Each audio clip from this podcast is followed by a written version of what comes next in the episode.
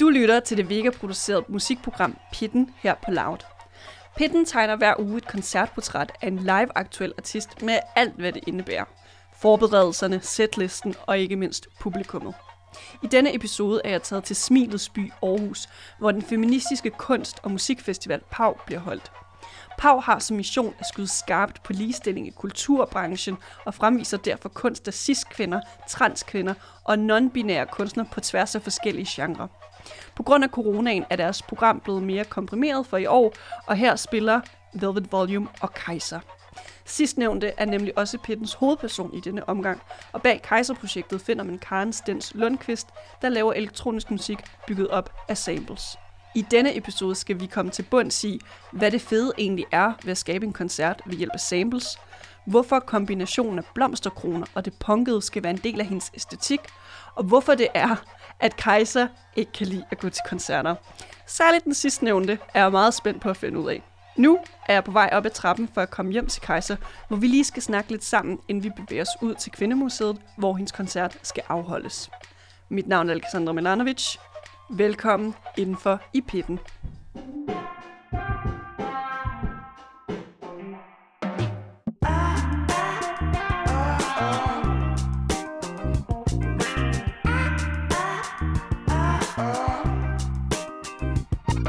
Normalt øh, så starter vi jo øh, en pitten-episode med at sige øh, velkommen inden for i pitten, men nu er jeg inde i øh, dit hjem, Karen, a.k.a. Kaiser, men jeg, jeg tillader mig alligevel at sige velkommen inden for i pitten. Tusind tak. Pitten er vel også en, øh, altså det er jo også en øh, radio-podcast, så man kan vel godt sige, at vi er på i pitten på en måde. Ja. I kraft af dig. Altså, jeg, jeg håber også, at det her, at den her stue, vi øh, sidder i din stue, det, der kan komme en moshpit her eller et eller andet. Så er det jo som at være i pitten. Fuldstændig. Min kæreste, han kommer lige om lidt, så bliver det vildt. Karen, a.k.a. Kaiser, du skal jo uh, spille til, uh, hvad skal man sige, uh, Pau Festival, som er en, uh, man kan godt sige uh, feministisk uh, kunst- og musikfestival. Og til at starte med, så skulle vi have optaget den her episode for noget tid siden, uh, men så kom der nogle nye coronarestriktioner, og nu får vi det til. Nu sker det. I dag skal vi uh, lave et koncertportræt af dig, hvor du skal uh, optræde på, uh, ja, location er Kvindemuseet. Ja. Uh, lige umiddelbart, hvad tænker du om at skulle spille på Kvindemuseet? Øh, altså, jeg tror, i forhold til hele det der feminisme noget, så har jeg det jo sådan lidt øh, todelt. Eller sådan, jeg, fordi jeg er all about og synes, det er vildt fedt, og har mange problemer selv som kvinde i musikbranchen. Fordi at når man går ind som kvinde i musikbranchen, er det på forhånd bare lorte odds, fordi man kan se, at både festivaler og øh, spillelister og øh, radioplays og det ene You og det name andet. You name it, you got it. Ja, så er det bare sådan noget omtrent 80-20 eller noget der omkring, eller mere. De, ja, så øh, på den måde er det sådan lidt, okay, så vil jeg måske gerne kæmpe den her kamp, eller i hvert fald lige sådan tale højt om det. Øh, men samtidig er jeg også sådan, jeg har det lidt svært ved det der med på en eller anden måde at lukke nogen ude, som det man jo gør, men samtidig er det jo også en måde bare at vise nogen frem, og være sådan, hey, de her mennesker er nice, prøv lige at tjekke dem ud. Så jeg er fucking excited, egentlig øh, meget spændt. Øh, både øh, fordi det er vildt, at øh, de har lyst til Power of Women, som er en ret stor festival, og få mig til at komme ind og spille, og med ingen ringer en Velvet Volume, som jeg er kæmpe fan af, som bare er Det vi plejer at gøre i starten af Pitten-podcasten, det er, at vi, øh, vi skal lære vores gæst at kende. Og øh, det gør vi simpelthen, Karen, ved at øh, høre dig om, hvem er du som koncertgænger? Øh, jeg er jo en af de der musikere, som findes derude, som er virkelig dårlige til at gå til koncert. Altså du mener, når jeg selv er til koncert, Præcis. og ikke som optrædende. Præcis. Altså jeg kan ikke lide at være til koncert. Jeg synes, det er mærkeligt. Jeg har det underligt. Jeg ved ikke, hvad jeg skal gøre mig selv. Jeg kan meget bedre lide at høre musik færdigproduceret, end at stå der live. Ja, jeg er den en. Danmark er jo fuldstændig hjerne øh, koncertgængere. Der er ingen i, altså, i resten af verden, der går så meget til koncerter, som danskerne gør. Vi har et eller andet otte festivaler, som alle går til. Men jeg, jeg ved ikke, jeg har hørt, at der er en del andre musikere, der har det på samme måde. Og jeg ved ikke, hvad det er, men jeg tror, jeg har svært ved at leve mig ind i det, der foregår. Måske fordi, at jeg kommer til at sætte mig for meget i musikernes sted, eller sådan kommer til at tænke over, hvis det var mig, der stod der, og forestille mig det, så jeg kan ikke, jeg lever mig ikke ind i det. Og jeg, altså, jeg har ikke nogen forklaring. Det, er- det, er, det er mystisk. Jeg tror, de eneste gange, det er på sådan noget Roskilde, hvor jeg har været rigtig drunk. Eksempelvis mine helte, øh, hvad hedder det, um, Prodigy, som jo bare er du du helt smadret elektronisk, ikke? Øh, nogle af de første, jeg blev inspireret af i forhold til at lave elektronisk musik. Øh, hvor at alle var på stoffer, og det jo bare er sådan en maniac. Det er ligesom at være på en klub, jo, og så står de og spiller, og det er jo også bare vildt. Øh, jeg tror, det er en af de eneste sådan, koncerter, hvor jeg virkelig har været op at køre. Måske også Robin en gang, også på Roskilde. Men altså, jeg sådan, der var jeg også virkelig skæv. Øh, jeg tror, jeg har en eller anden behov for at være i en anden verden, for at nyde det. Men så er det også den der med en eufori, hvor det ellers, hvis jeg bare står og kigger, så bliver jeg for et lidt mærkeligt. Nu, nu, øh, nu har jeg lige øh, lavet dig tale ud, Karen, for ligesom at sunde mig over de meget øh, bemærkelsesværdige svar. Det er ikke det svar, jeg plejer tit at få af mine gæster her i øh, programmet, og jeg synes, det ja, nu, nu kan vi ligesom være ærlige over for hinanden. Det er fucking mærkeligt. det er fucking Men, mærkeligt. men hvad, hvad tror du så, der skulle til? Nu nævner du, at du har været til to koncerter, øh, respectively, hvor du henholdsvis har været fuld og skæv. Men tror du, at øh, du måske i ædru tilstand, altså der, skal der ske noget bestemt på scenen, eller du måske ikke skal være fuld eller skæv, for at du kan leve dig ind i det nemmere? Giver det mening? Ja, jeg har faktisk tænkt over, at det har nok også i høj grad noget at gøre med, øh, hvor meget dem, der står på scenen, er min helte. Altså, og jeg tror, jeg elsker al mulig musik, men det er få artister, hvor at jeg sådan øh, ikke kun musisk øh, nyder at lytte til deres musik, men også dem som person og hele det univers, de har skabt, jeg sådan virkelig er, altså sådan har en eller anden sådan, øh, uh, uh, helt ned i maven-agtig fornemmelse omkring. Så det, har, det har, jeg tror måske også, det har noget med det at gøre, og det er derfor, det er ikke så ofte, at, man, at de koncerter sker, eller øh, dukker op i et lille Danmark, eller sådan. Øhm. Hvad var det andet, du sagde? Jeg kom til at tænke på et eller andet andet, men det har jeg lige glemt. Øh, mit, mit spørgsmål gik bare på, altså, øh, og, øh, øh, altså, altså, hvad er det, der ligesom skal ske på, på en scene, Nå, for ja. at du, du ikke føler sådan, at jeg har gennemskud, jeg, sådan, jeg kan ikke leve mig ind i det her. Jamen, jeg ved det. Ja, Hvad, Det er faktisk nok... Ja, okay, rigtig pinligt. Jeg var... Der er en... Øh, nu nævner jeg ikke noget navn, vel? Men måske kan folk godt lidt regnet ud. Der er en upcoming kunstner, som er mit kæmpe idol. Hun synger fantastisk. Hun har et fantastisk sceneshow. Hun har nogle fantastiske dansere med, fantastisk band. Øh, hun har de sejeste kostymer på. Hun er den sejeste. Jeg var til hendes koncert øh, her i Aarhus øh, i jul med nogle veninder, og de var fuldstændig op under taget over det. Det var jeg selv, fordi hun er fantastisk, hun synger fantastisk, hun er den lækreste performer, hun er helt nede på jorden, og hun er så sød. Men den måde, hun har opbygget sit show på, er sådan en helt tilrettelagt, øh, altså sådan en graf, som en, der hedder Christian Kok i Danmark, er meget kendt for, at der er mange kunstnere, der sådan, man kan nemt ligesom hapse den model, og så opbygge sit show på den måde. Og hendes koncert var bare fuldstændig. Den fulgte bare den der graf til punkt og prikke. Og det gjorde lidt, at jeg blev så opmærksom på det, at jeg også, igen, jeg tror alt, hvad der foregår, jeg bliver sådan, jeg kan ikke nyde det på en eller anden måde. Jeg kunne godt nyde, når hun synger, altså så får man kuldegysninger, men hele sådan opbygningen og det der med at stå og være sådan levet ind i det, som om det var en film eller en bog eller en vild fed samtale, det, det, er, det kan jeg ikke, jeg ved ikke. Men måske, det kan godt være, at der også er noget, at jeg har lyst til noget performativt. Altså sådan et eller andet gakket. Ligesom jeg selv har skabt Kaiser, der jo er meget visuelt performativ og skør og har nogle vilde kostymer. Og normalt, det kommer jeg så ikke til at have i dag, fordi det kunne vi desværre ikke få lov til ind i den sal, fordi der er for meget lys. Men normalt har jeg også nogle, en live VJ med, en ven, der står og laver visuals under koncerten. Ja, måske. Det kan være, at vi er ved at nærme os noget øhm, af hvorfor. Men jeg er bare dybt mærkelig generelt. Ja, ja, ja 100 i alle anseender. Men, men nu hvor vi ligesom har hørt din forklaring, så jeg accepterer den. Okay, det, det er tak, cool. tak. Øh, fordi jeg, jeg vil nok mene, at jeg er din øh, modpol, øh, Karen. Ja. Hvor øh, altså, jeg, jeg skal minimum se en koncert om ugen. Jamen, det, Period. sådan er de fleste af mine venner jo også, ikke? Altså, det er jo normalen i Danmark, altså. Men når man øh, er musiker, så er man måske sådan, øh, det er sådan en curse på en eller anden måde. Ja. Ja, det tror jeg helt sikkert. Der er en køs.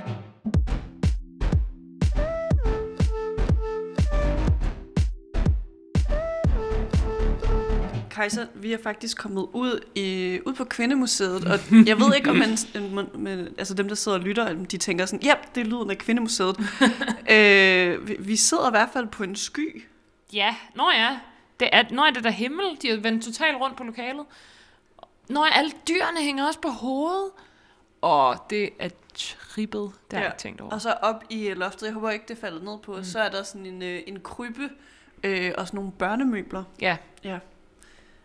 Ikke fordi det er noget, der har noget med dine livesets at gøre.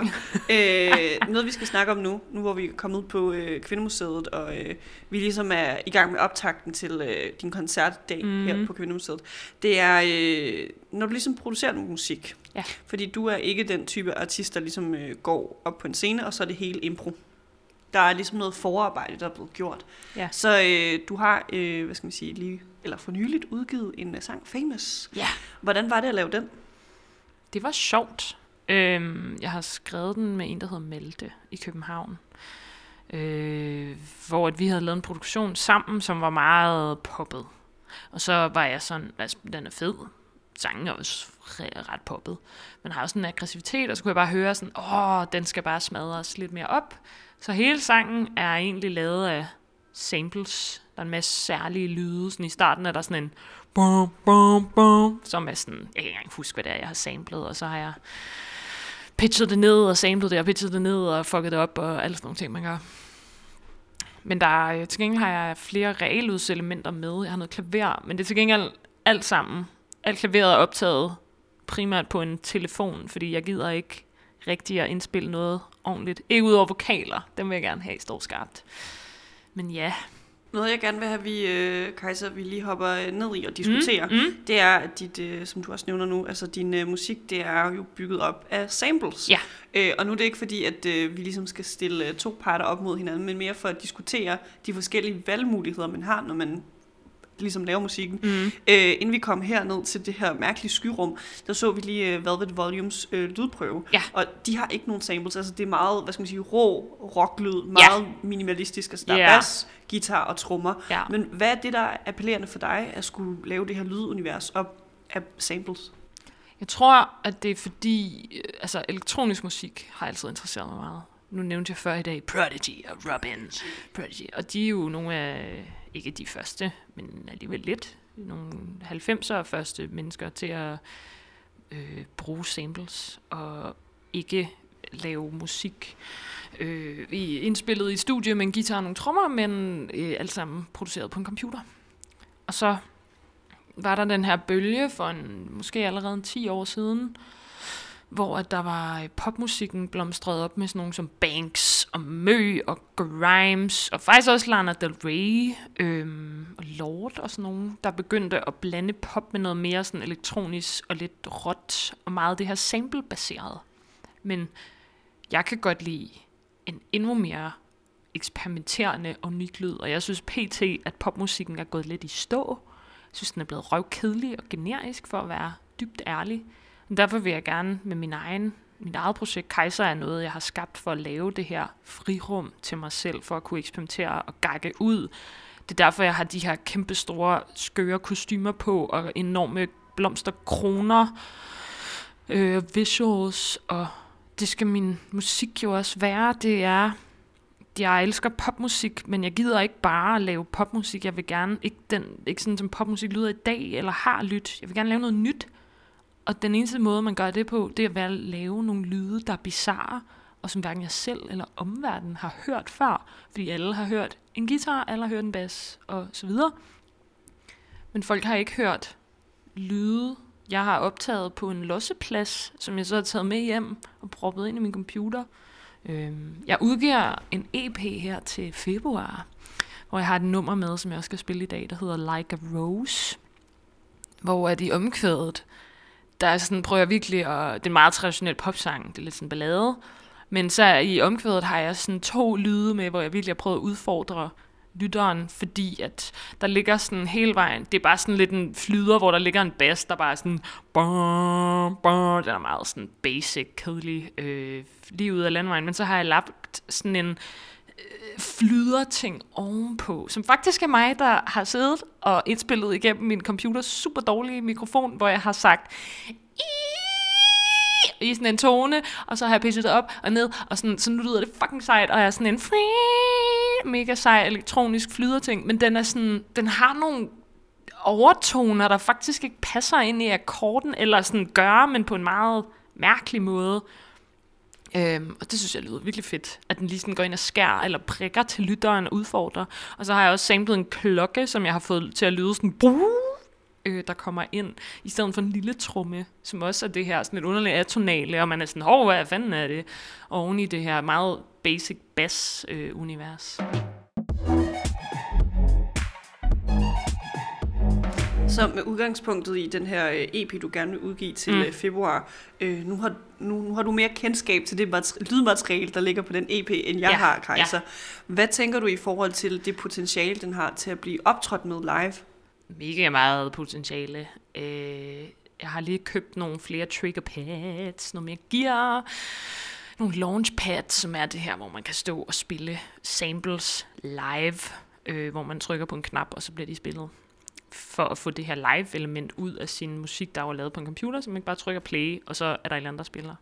Øhm, men jeg tror også, jeg tror stadig, det er vigtigt, at selvom det er et enormt elektronisk univers, og at det, skal også, og det også skal formidles på scenen, så er jeg sindssygt glad og lykkelig over, at øh, mine to bandmedlemmer, øh, Nikolaj Libert og Frederik Sneland, har lyst til at være med øh, mit projekt at spille sammen med mig, fordi at de er, de er vildt dygtige på henholdsvis bas og guitar og klaver, og derfor kan jeg få de her reallyds altså rigtige instrumenter, traditionelle instrumenter ind i musikken, som også giver en federe øh, live-oplevelse, som man nemlig ikke bare er sådan, har hun bare trykket play, eller hvad?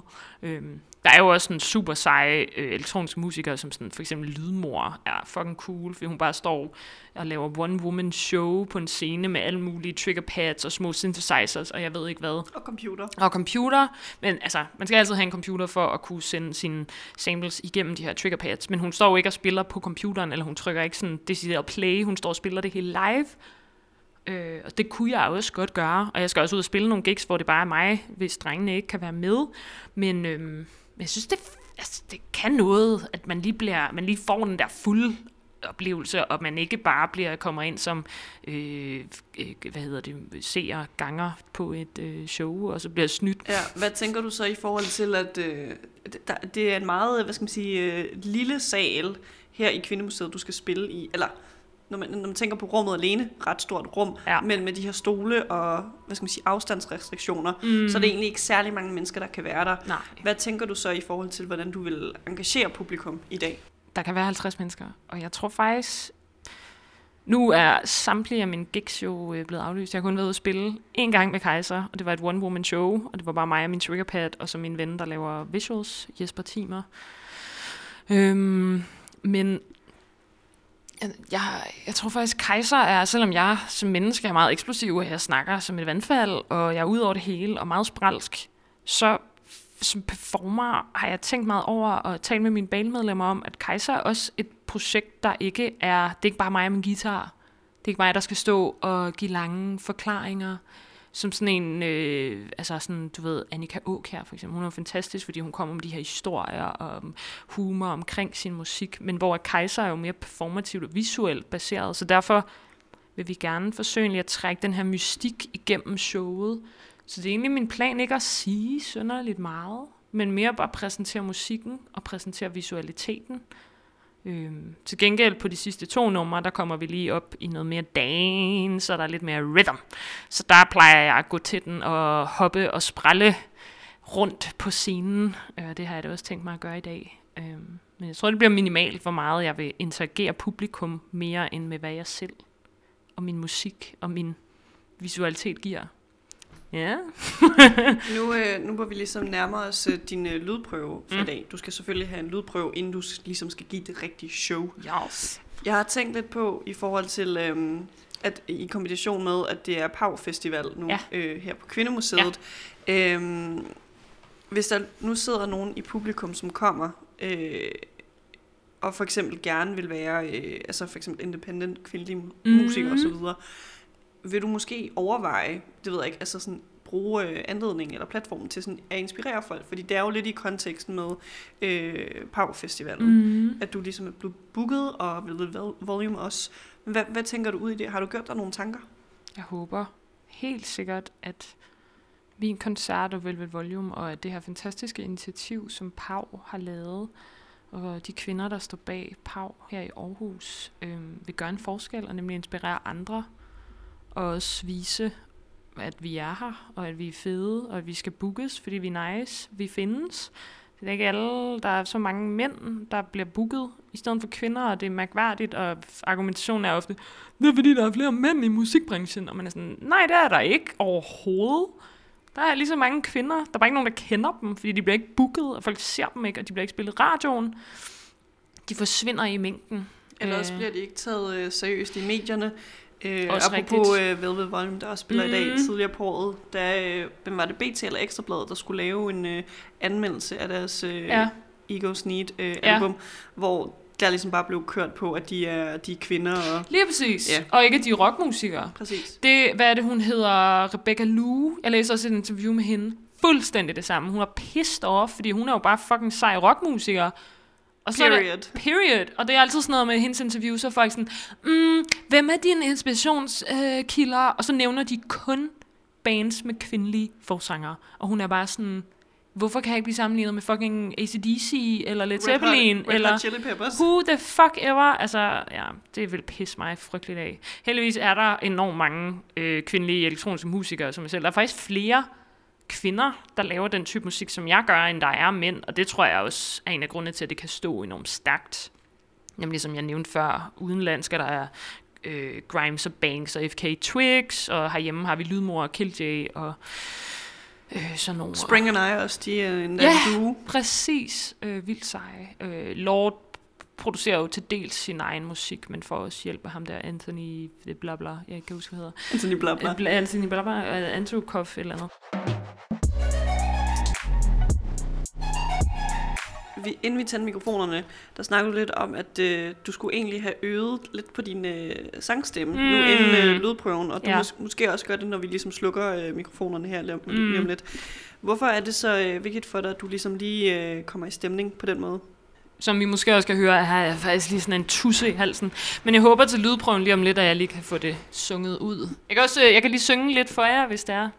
Måske et af mine numre lyder sådan her. Okay, nu kommer det til at lyde rigtig dårligt. I'm gonna live forever I'm gonna bloom now never Crying like girls Are we growing old? Live forever How we gonna live? Never gonna live Ej, jeg tror, det kommer til at gå fint. Jeg kan mærke det. Den sidder der.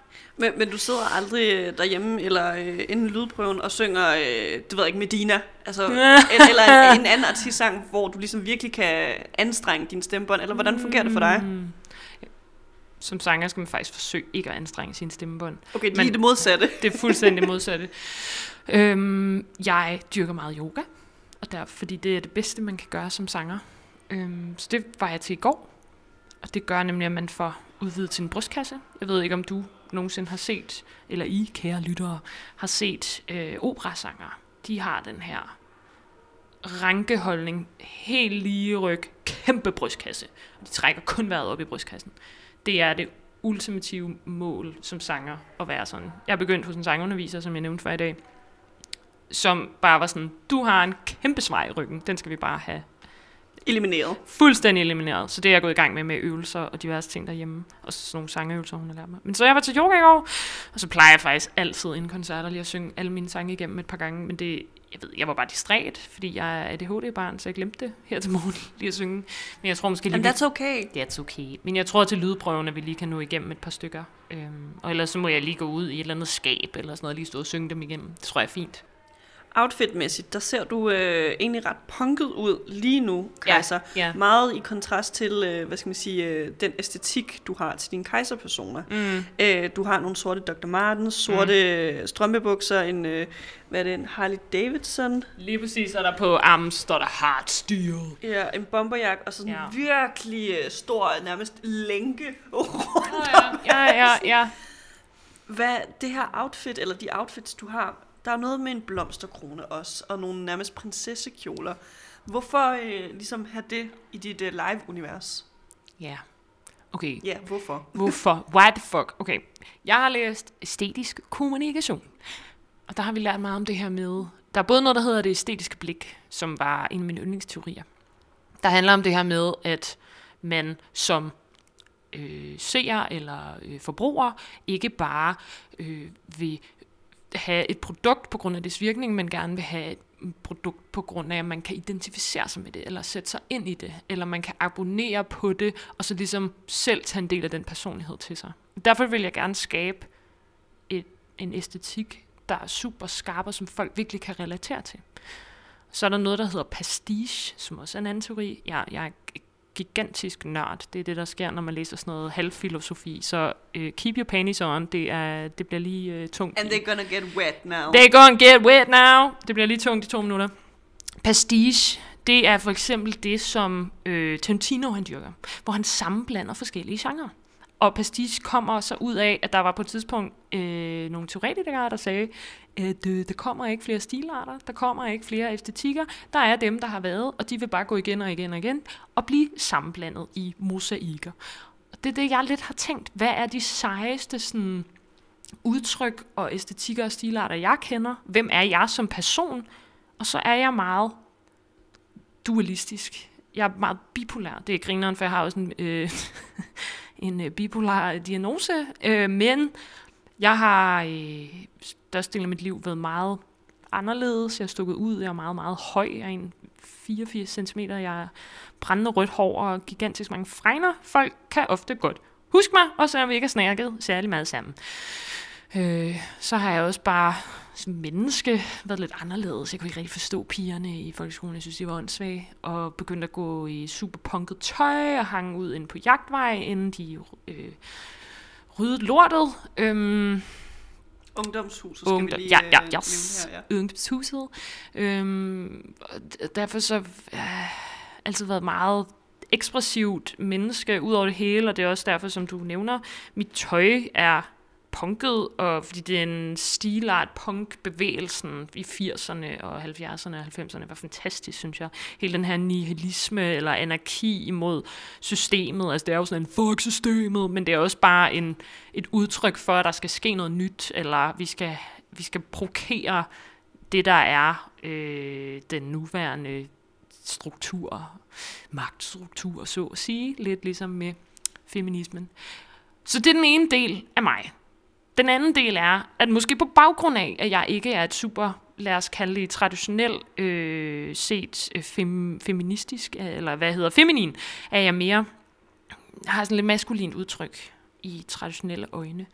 Derfor så tror jeg lidt, at jeg på et tidspunkt begyndte at blive enormt draget af det lyserøde og det prinsesseagtige, udelukkende i visuel udtryksform. Pink, eller faktisk lyserød, sådan en lækker pasteludrød, det er min ultimative yndlingsfarve. Og som du nævnte, da du var hjemme hos mig, så er selv min øh, Elkedel. elkedel lyserød. Eller lysrødt. Jeg ved ikke, hvordan min kæreste han lever med det, men altså, det er life. Jeg elsker den farve overalt på jorden. Jeg har uendelig mange kjoler i den farve, og jeg kan godt lide at sammenblande det her øh, meget sådan yndige udtryk med det lidt punkede. Så er der også noget, øh, hvad skal man sige, familiært med de her blomsterkroner, du og dine bandmedlemmer har på. Hvad, hvad skal man sige, historien bag det? Ja, men det er jo nemlig som jeg nævnte før, det her med at give en eller anden identitet eller et brand, som folk kan abonnere på og relatere sig til og købe sig ind på.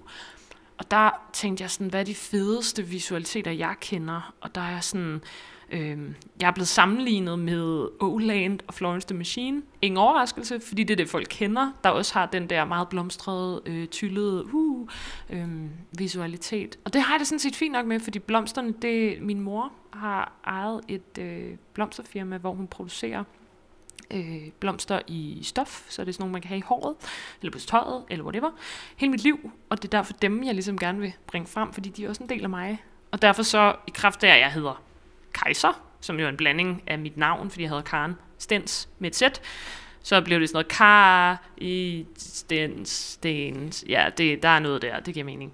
Øhm, en leg med bogstaver. Øh, så skulle jeg selvfølgelig da også have en krone på. Og så skulle jeg da selvfølgelig have en blomsterkrone på i det her romantiske univers. Og så er det også bare fucking sejt med blomsterkroner. Og der er også noget fedt i, at mine to bandmedlemmer, jeg tror, de har det rigtig lulleren over i dag, at være de eneste to mænd, der skal spille, og også bare nærmest er til stede. Øhm, sammen med alle de her kvinder, at de får selvfølgelig også blomsterkroner på. Nogle, der er lidt mindre end mine selvfølgelig. Jeg har den der gigantus, og så har de sådan nogle små nogle, fordi så er de jo en slags garder for mig, og jeg er kejseren eller dronningen her på scenen. Og så har jeg selvfølgelig også prinsessekjole på, i stil med det.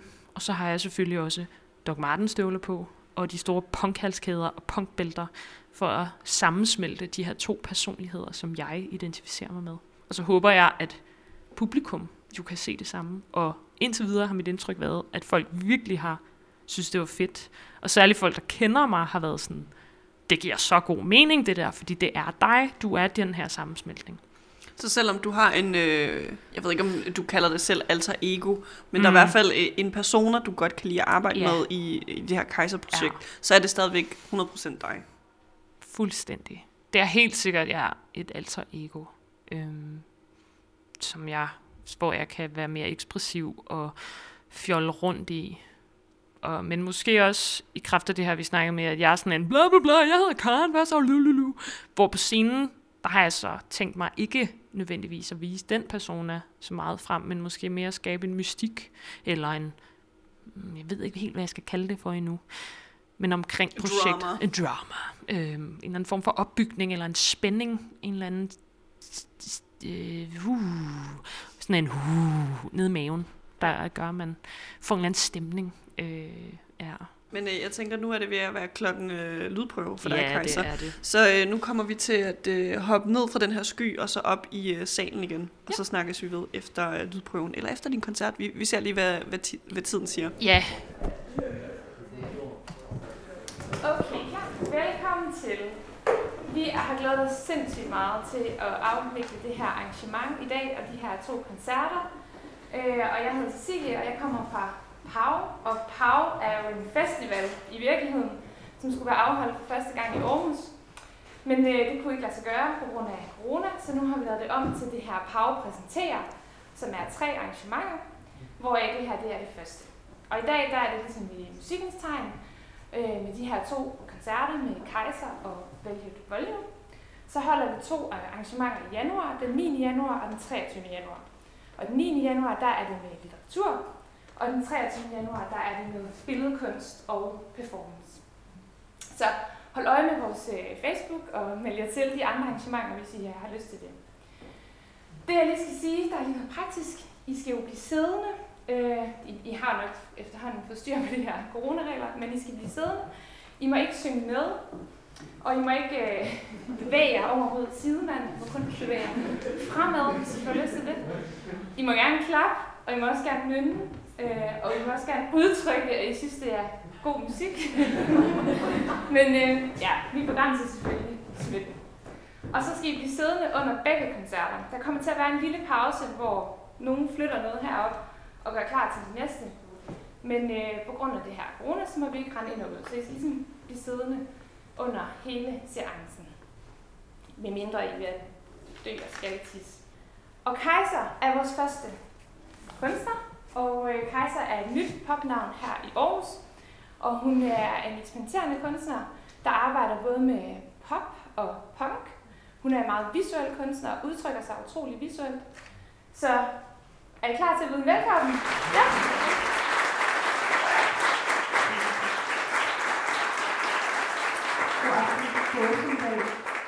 Hedder det. Øhm, jeg er kejser.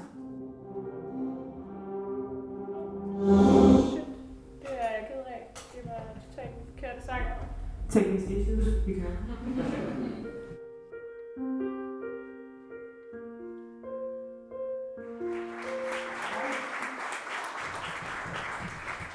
Tusind tak. En ting, jeg altid lige bare at sige, er, at hvis I har taget nogle billeder, lagt på Instagram eller Facebook eller det hele taget, så må I super gerne sende dem til mig. Mit Instagram-navn er Kaiser, Kaiser, Kaiser, Kaiser. Hvis I har lyst til det. Øhm, vi vil øh, spille en sidste sang for jer her i aften. Ikke i aften, jeg behøver at sige aften. Her øh, til eftermiddag. Og øh, den hedder Famous. Og øh, den kommer her, inden et Velvet Volume, så kommer om opsat.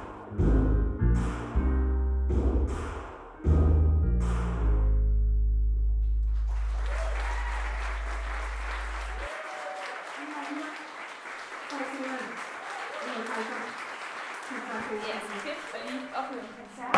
Er det ikke rigtigt? Vi de her tider og i den her sal.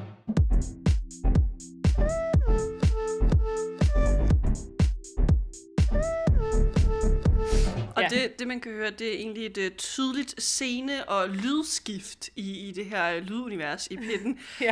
uh, Karen, uh, a.k.a. Kaiser, vi er hjemme hos dig Ja, igen. ja. Uh, vi har lige uh, set din koncert, og du har optrådt til din koncert. Du sidder og slubrer en uh, god dåse cola. Oh, ja. Hvad, hvordan har du det nu efter din koncert på Kvindemuseet? Jeg er lidt træt og lidt forpustet på grund af gåturen, og så fordi jeg har en rygsæk med alt mit elektroniske gear, der vejer mange kilo. Øh, og så øh, mit store kostyme i en skuldertaske også. Altså man kan sige, at museet ligger kun fire minutter væk, ikke? men vi gik lige i rask tempo, fordi om en time skal jeg med toget til København til fødselsdag. Men jeg har det, altså jeg var fuldstændig oppe at køre efter koncerten. Jeg synes, det gik så godt. Og det er bare den fedeste følelse, at når det går godt. Jeg lavede en fejl, der hvor jeg kom til at øh, sætte det forkerte track i gang, men det grinede vi bare af, og så kørte vi videre, og så var det sådan. Øhm, ja. Så jeg har, jeg har det lækkert. Jeg er glad. Jeg, jeg tror, når jeg kommer til at sidde i toget lige om lidt, så kommer jeg bare til at sidde og være sådan... Også, hvad er det, jeg fik sagt i Pitten-podcasten?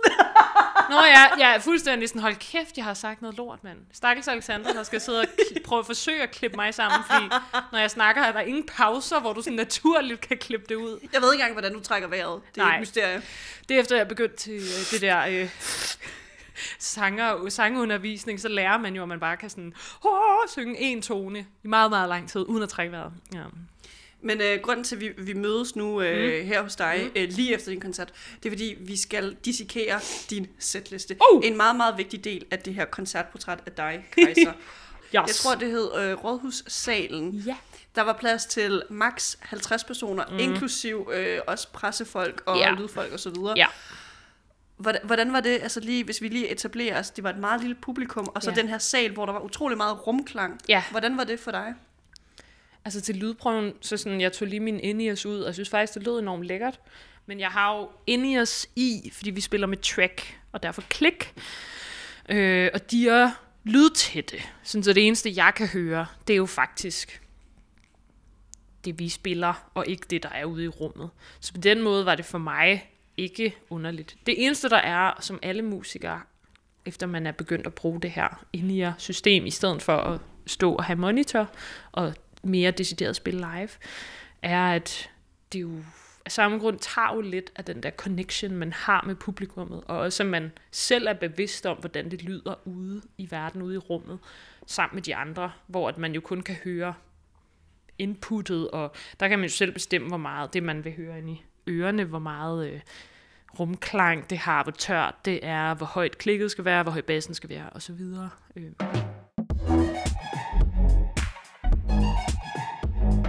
Men øh, det, der sker på øh, scenen, det er, at øh, du og dine øh, to bandmedlemmer, det er Frederik og Nikolaj. Nikolaj, yes. Frederik Snaland, Nikolaj Libert. Lige præcis. Og det, du øh, har instrueret dem til, det er, at de skal begge to have hvide skjorter på, og så har du sat deres øh, små, mindre end dine, øh, blomsterkroner på. Og det, du selv har på, det, er- det er lidt, hvad skal man sige, modpolen, fordi du har sådan en øh, kæmpe sort tyldkjole. Ja. Og under den tyldkjole er der endnu en sort tyldkjole. Så der er masser og masser sort tyld, Ja. og så den her øh, lyserøde blomsterkrone. Ja. I kommer ind på scenen uden egentlig at sige noget, Ja. og så går den første sang i gang. Ja. Hvad er det for en? Den hedder Tell Me What You Wanna Be When You Grow Up. Det er den, altså det er den sang med den længst- længste titel, jeg nogensinde har skrevet. Men er den lang nok? Ja, der kunne godt komme et par ord mere på, det har du selvfølgelig ret i. Ja, men øh, det er fordi, at det er det, jeg synger i omkvædet. Tell me what you wanna be when you grow up. Og det er ligesom sangens essens, og derfor er jeg sådan, den bliver nødt til at hedde det. Men hvorfor sætte den som det, altså åbningsnummer på den her koncert? Det er fordi, den er meget kort. Og så er det sådan fedt at komme ind, og så ligesom sådan, dang! Og den er også sådan lidt, altså der er den der main øh, klokkelyd, der er sådan, dang, dang, dang, dang, dang, dang, dang, dang, bum, bum, bum. Så jeg synes, den er, altså det er jo Frederik, Nikolaj og jeg, der har i fællesskab har bestemt, øh, hvordan vi ligesom skal opbygge sættet. Og vi er meget sådan, den er kort, så det er ikke sådan, man kommer ind, og så er der en lang sang. Man er ligesom sådan, slang, så er man i gang. Øhm, og så den næste sang, det er jo den her, der er sådan lidt mere ballade, ambient, så vi bliver stadig lidt nede i tempo. Den første er jo heller ikke sådan meget øh, højtempo-agtig. Øhm, og grund til, at jeg ikke siger noget mellem de to, er også igen, det er lidt noget, det var noget drengene sagde, at det der med, det er federe lige sådan at have lidt en mystik, og at publikum bliver ved med at være sådan lidt draget af sådan, uh, hvad sker der? Frem for at man kommer ind og med det samme begynder at være sådan, hej, jeg hedder Karen, øh, og, og plaprer løs, men at man sådan holder momentet og bliver ved med at have den her momentum i koncerten. Og som du selv nævner, Karen, så er det efter øh, anden sang, at øh, du lige siger, øh, du har nærmest et lille talepapir på din sætliste, Ja. men øh, hvor du skal sige øh, god aften slash god dag. Ja, jeg kom til at sige god aften fire gange eller sådan noget. Det er meget uvandt, at man jo plejer at spille en aftenkoncert. Men- Men jeg kan samtidig også godt forstå, hvorfor du er blevet forvirret, fordi nu hvor det er vinter, mens ja. vi optager, så bliver det rigtig, rigtig hurtigt mørkt. Ja. Folk grinede heldigvis af det hver Ja. gang. Jeg kom Der var i hvert fald ikke nogen, der buede eller var sure. Buh! det er fucking klokken 13, din idiot, mand. Hvad finder vi så som øh, sang nummer tre, altså lige efter du har snakket en lille smule?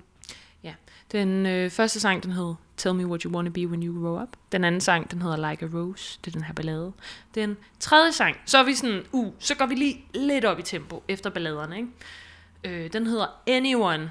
Og den er sådan, ysh, ysh, ysh. der er lige sådan nogle store trommer, og den er sådan lidt mere fremaddrivende, sådan slakker, gak, dak, og lidt mere electronic, og sådan.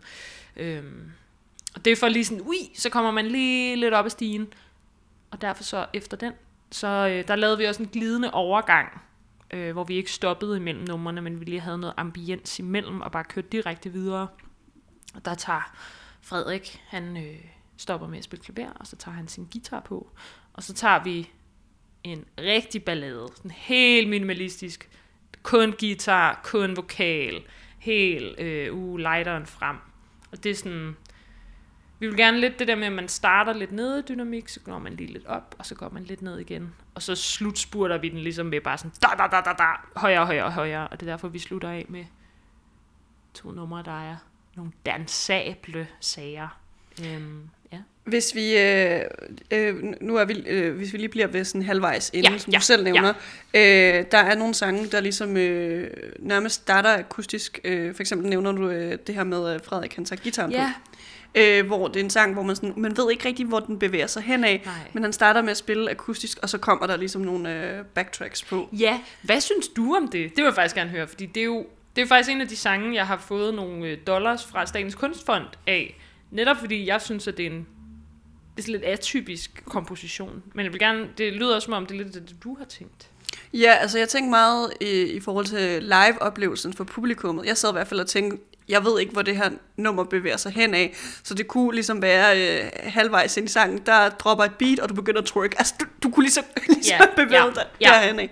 Ja. Men det, det skaber også et dynamik i forhold til, at du ligesom na- narrativt eller, eller dramaturgisk Ja, falder lige lidt ned, og så, okay, nu er I klar, nu tager ja, vi den op. ja, så tager vi den op igen. Ja, Nå, men det er fedt, du siger det, fordi det er præcis det samme, jeg har tænkt. Øh, men ja, det er en sang, jeg har skrevet, fordi det er sådan en... Altså, det er gitaren, og det er den store vokal, og det er sådan en meget balladesag, ikke? Og derfor så var jeg sådan, da jeg producerede det, så var jeg sådan... Hold kæft, det er lidt en kedelig sang, ikke? Altså det der med, at man har bare en guitar og en vokal. Så hele første vers, første omkvæd, der er ikke rigtig en bro, den kører bare lige over. Så var jeg sådan, kunne det ikke være fucking grineren, hvis vi så bare nu smider et sådan ondt elektronisk bas øh, trommedrop så sådan i kæmpe kontrast til det her super melodiske, harmoniske, meget øh, poppede øh, nummer, så som du siger, så kommer andet vers, så sådan slang, så kommer der nogle store trommer.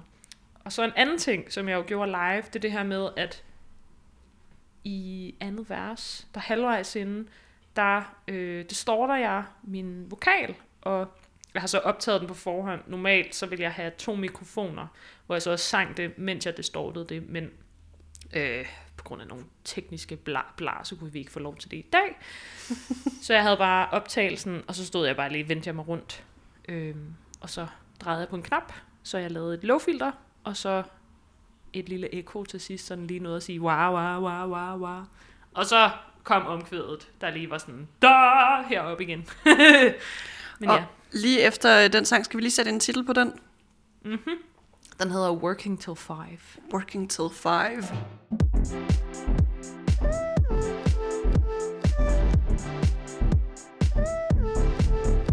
Og øh, nu, nu laver jeg en øh, rigtig smooth bro til, øh, Ja, ja, ja. jeg vil sige, øh, som næste ting.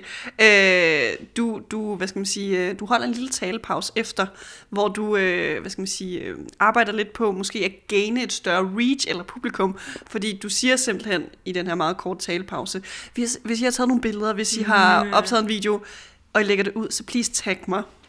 Hvorfor, Ja. hvorfor var det vigtigt for dig lige at sige sådan, hey, en reminder, I må godt tagge mig?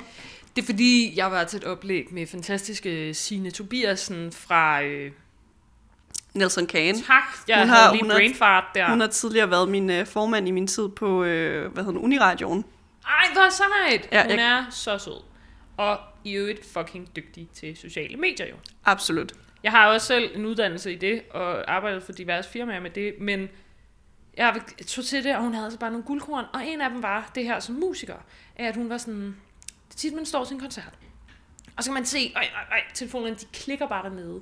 Og man er jo sådan, jeg vil gerne have det der materiale. Fordi jeg kan jo ikke, der er jo ikke nogen, jeg kan jo ikke stå og filme min egen koncert, eller sådan. Så skal jeg have min ven Henning til at gøre det, ikke? Og det bliver altid noget mærkeligt kluder noget. Fordi Henning har drukket fire bajer, og så bliver det noget værre.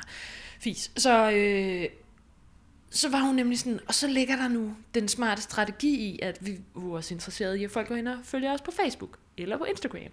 Så hun er begyndt, eller de gjorde i Nelson Kagen, det der med så lige at sige, vi kan se, at I har taget nogle billeder. Tusind tak for det. I må super gerne sende dem til os. Øh, I kan finde os på Instagram, der hedder vi det her. I kan finde os på Facebook, der hedder vi det her. Og så kan man jo lige håbe, at folk de jo så lige smider et lille like og følger ens projekt, nu hvor de kender til en, når de alligevel sender billederne. Og så tror jeg også, det er det her med, jeg synes jo, det er vildt fedt at få en relation til mine fans, eller dem, der gerne vil komme til mine koncerter, og øh, altså sådan at ikke at være afskåret fra dem, men at ja, sige hej. Øh, til min sidste koncert kom der en hel masse op og var sådan, hej, hej, hej, Karen, vildt hyggelig, og her, jeg har lige sendt dig en masse billeder, og det er så dejligt. Og lige nu efter koncerten, mens jeg prøvede at pakke mit lort ned, var der også to, der var sådan, øh, god koncert, og var helt sådan, folk er altid, det er meget mærkeligt for mig, pludselig opleve, hvordan den måde, måde folk sådan responderer til en efterfølgende, fordi de, man kan se, de har sådan det der, sådan et blik i øjnene af, at det er som om, de taler til sådan en superstjerne, og jeg var sådan, det er jeg ikke, det er så underligt, det Endnu, her. endnu. Michael Jackson her kom. Nej, undskyld, det var en lang øh, enetale. Nej, nej, det, du havde øh, altså virkelig mange gode pointer i forhold til, hvordan du kan inkorporere, in, altså inkorporere egentlig en sådan business-strategi Nej. igennem dit sæt.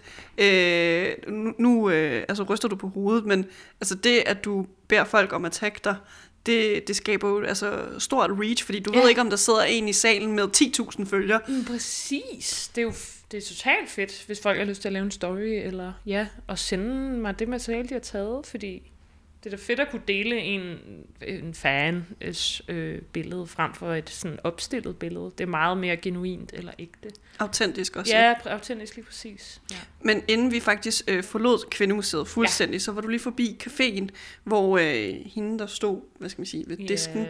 Hvad var det, hun sagde til dig, Karen? Og det var helt overvældende. Det var mine tre bandmedlemmer, der lige stod og øh, fik noget mad. Øh, jeg skulle gå, så jeg kunne ikke nå at spise med. Men så var hun sådan, ej, jeg har jo været her i men jeg løb lige op og øh, så to af de numre. Og jeg må bare lige sige, altså, det her det er ikke en overdrivelse, men jeg har aldrig nogensinde set eller hørt noget, der var så smukt og fantastisk. Det lød fuldstændig fantastisk. Altså, det var så hårene rejste sig på mine arme, og jeg var bare sådan, ah, det er, men jeg bliver så akavet, og sådan, tusind tak. det er så for meget, man sådan bl- flyver op på en lille sky, og bliver nødt til at hive sin egen selvtillid lidt ned, eller sådan, fordi det bliver så sådan, okay, tak. Øhm, men altså, så sagde jeg sådan, selvfølgelig, at jeg som er rigtigt. Jeg kunne heller ikke have gjort det uden mine tre bankmates. Og så sagde hun det samme til dem, fordi de jo også rigtig dygtige. Hvordan vælger du som person, men også som artist, at bruge, hvad skal man sige, øh, lad os kalde det overordnet set komplimenter? Fordi det var egentlig det, du fik, øh, eller sådan feedback. ja. Hvordan vælger du at bruge det? Fordi jeg har haft andre gæster i programmet, hvor de, sådan, de ved ikke, hvad de skal gøre med sig selv, og de lukker nærmest helt ned. Hvordan vælger du at bruge det, Karen? Ja, det kan jeg godt relatere til, at de gør, fordi det er en mærkelig situation. Øhm, men jeg tror bare, altså jeg blev bare ekstremt glad, fordi jeg, øhm, jeg har haft sceneskræk hele mit liv. Det er sådan, mine forældre har altid, jeg kommer fra en musikfamilie, så vi er blevet kastet op på scenen hele vores liv. Uh, ja. Værsgo, Karen! Så op, øh, det er mormors fødselsdag, du skal synge en sang nu, eller øh, så skal vi ind og spille på vinstuen i Tivoli. Altså det er bare sådan noget, uh, ja, det skal vi bare, og med i alle mulige musikklubber og teaterting, fordi at, ja, det er fedt. Det har jo gjort, at jeg, det er nok derfor, jeg er blevet musiker i dag. Øh, min søster og jeg, min søster er halvandet år yngre end mig, synger også fantastisk, sangerinde.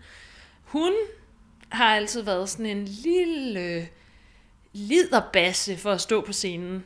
Så mine forældre har altså grinet over det her med den enorme kontrast imellem min og jeg. Vi vi begge to blevet smadret op på den der scene. Og hun har bare stået og shined i det der, og været sådan, na, na, synes det var for fedt. Og så mig, der bare har været sådan, hej, jeg hedder Karen. Og så sunget en eller anden sang. Mens du græd, fordi Men det var så for sådan, meget. Fordi det var så frygteligt, men fordi jeg bare sådan... Men jeg kan huske dengang, altså det der med, jeg synes det var så mærkeligt, fordi det, altså, det var det værste, jeg overhovedet kunne forestille mig. Jeg synes jo, det er jo, jeg elsker jo at synge, men lige så snart der er folk, der står og kigger på mig, så er det som om, jeg lukker fuldstændig ned. Øhm, altså det gjorde jeg i hvert fald dengang. Øhm, men jeg tror i dag, nu hvor at jeg er blevet lidt mere komfortabel, jeg vil sige, jeg har stadig total øh, spændende mave hele dagen op til sådan en koncert, og jeg har ikke sovet så godt i nat heller, fordi jeg er så spændt. Men når jeg endelig står der nu, altså er det en virkelig en fantastisk følelse, og men stadig, jeg har skabt det her projekt helt alene. Jeg er independent, så når folk kommer og ægte siger, at de synes, det er fedt, og man kan se den der Begejstring. Wow, ja. Og også når jeg står og spiller, og så, altså det er altid mærkeligt at kigge ned på publikum, fordi der er nogen, der er sådan nogen, når de lytter, så sidder de nærmest med armene over kors, ikke? og så har de bare sådan et, I don't give a fuck ansigt. Og det er sådan nogle mennesker er, når de lytter, så sidder de bare og har sådan en bitch face. Øh, Resting bitch. resting bitch face, altså. Hvor der er andre, der jo bare sidder og er sådan helt fremme på stolen, og sådan kæmpe øjenbryn, ikke? og sådan stor mund, og bare sådan nærmest Og sidder savler lidt også. savler og gaber efter en, og når jeg kan se, at jeg lige sådan synger en høj tone, eller sådan, så kan jeg se, at de bare sådan, uh, springer op af stolen, fordi de synes, det er så fantastisk. Og det er jo, det er jo, det er jo fantastisk, fordi så øh, viser det jo bare, at der faktisk er nogen, der har lyst til at høre det, jeg øh, laver. Ikke? Øhm, Jeg ville blive så ked af det, hvis der ikke var nogen, der kom op og sagde tak, og det var fedt, og du var god, eller fordi så vil hele pointen i det jo også være lige meget, fordi så man bare gå rundt og tvivle på, om folk faktisk har lyst til at høre det, man laver. Mm, Eller så man hverken rørt eller berørt nogen. Nej, det er det. Og musik handler jo nemlig om at skabe følelse, ikke? Og emotion. Øhm, så, ja. Og så lige her i slutningen, for at ligesom lave en lille krølle på Ja. setlisten. Det, I slutter øh, af med til sidst, det er øh, Famous, den Ja. her øh, seneste Kaiser-single. Ja. Og jeg har noteret mig, at øh, du, Kaiser, på scenen, der er godt nok ikke så meget plads Nej. at bevæge sig i. Fordi lige, altså seriøst, lige bag jer, der er Velvet Volumes udstyr. Ja, ja. Men med den meget, meget lille plads, du har, Karen, Ja. så går du fuldstændig amok og dansker. Dansker? Dansker. Ja, du, du dansker. Du danser, og så er der Nikolaj på bas, der øh, han laver nærmest øh, med sine pedaler sådan øh, filter på sin lyd, Ja. som minder om en Kanye West øh, elektrisk guitar. Ja, det er så sejt. Hvordan var det ligesom at slutte hele sættet af der? Det er fantastisk. Altså, det er så fedt, at vi har fået inkorporeret øh, den der solo, som øh, Libert, det er det, jeg kalder ham for, han Nikolaj Libert, øh, fordi min egen kæreste jo hedder Nikolaj, så det, han hedder bare Libert nu. Øh, nemlig fordi det er lækkert, det der med, at man lige slutter heroppe, ikke? Lige sådan, og så, og så fedt, at jeg lige får en break til bare at kan stå og danse og have det for vildt over, hvor lækkert det lyder, det han laver, ikke? Og lige sådan gå hen og danse lidt med ham, mens han står og har det sygt på sin øh, bas. Øh, Men jo, det er helt, altså vi har jo netop valgt, jeg har to singler ude. Den ene den hedder You Kill Me With a Word, den anden det er Famous. Og det er jo selvfølgelig de to sange, vi slutter af med, fordi det er dem, der har mest kabav. Jeg har ikke udgivet nogen af mine ballader. Endnu. Endnu. Endnu. De kommer, en af dem kommer på EP'en, der kommer til februar. Den, de andre sange, der skal med på EP'en, dem har jeg måske ikke lige skrevet endnu. Det er lidt usikkert. Men det kan Øhm, folk i hvert fald glæde sig til. det kan folk glæde sig til. Og Karen, Ja.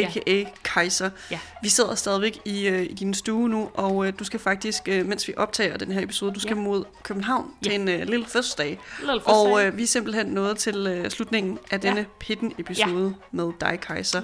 Og øh, det her har jeg ikke fortalt dig endnu, men der er en Uh. tradition på øh, programmet, at det er mine gæster, der Åh. laver outroen. Nej! Ah, nej! Og det, de, Uh. det, jeg instruerer dem til at sige, de skal ligesom sige en sætning, men den måde, de siger det på, det har været på islandsk, på spansk. De har råbt, de har skrevet det. A lot of uh, uh, choices to do it in, so to Okay. say. Og det, man skal sige, det er, vi ses i pitten i næste episode. Så jeg ved ikke, hvordan du har lyst til at sige det, Karen. Mm, to Prøver du at sige det nu, eller? mm, nej, jeg tænkte lige... Jeg har to muligheder. Jeg bor jo i Aarhus, så jeg har jo forsøgt at tale som en jyde, fordi ellers så hader folk mig jo. Eller Aarhusianer. Ja, så jeg smider ret mange ægger og på lørdag ind, for at jeg sådan blender. Fordi da jeg flyttede herover, altså folk instinktivt, de hadede mig, fordi jeg er københavner. altså jeg er jo fra Christianshavn og Vesterbro, det bliver ikke værre, vel? Og mine venner, altså mine jyske venner driller mig jo stadig, når vi er på bar, og jeg er stiv. Og øh, københavneren jo bare kommer op i mig, ikke? Så jeg tænker, at jeg lige vil praise min, øh, hvad hedder det, opkomst, nej, min Opvækst. op ved min, der, hvor jeg kommer Your fra. roots, dine rødder. My roots. Øh, og lige tage den på Christianshavnsk. Hvad var det, jeg skulle sige? Vi ses i pitten i næste episode.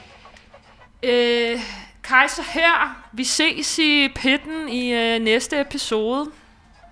Var det godt nok? Det var godt nok. Fedt. Kaiser, tusind tak, fordi du har været med i pitten. Tusind tak, fordi jeg måtte være med. Du er så sød, Alexandra. Selv tak.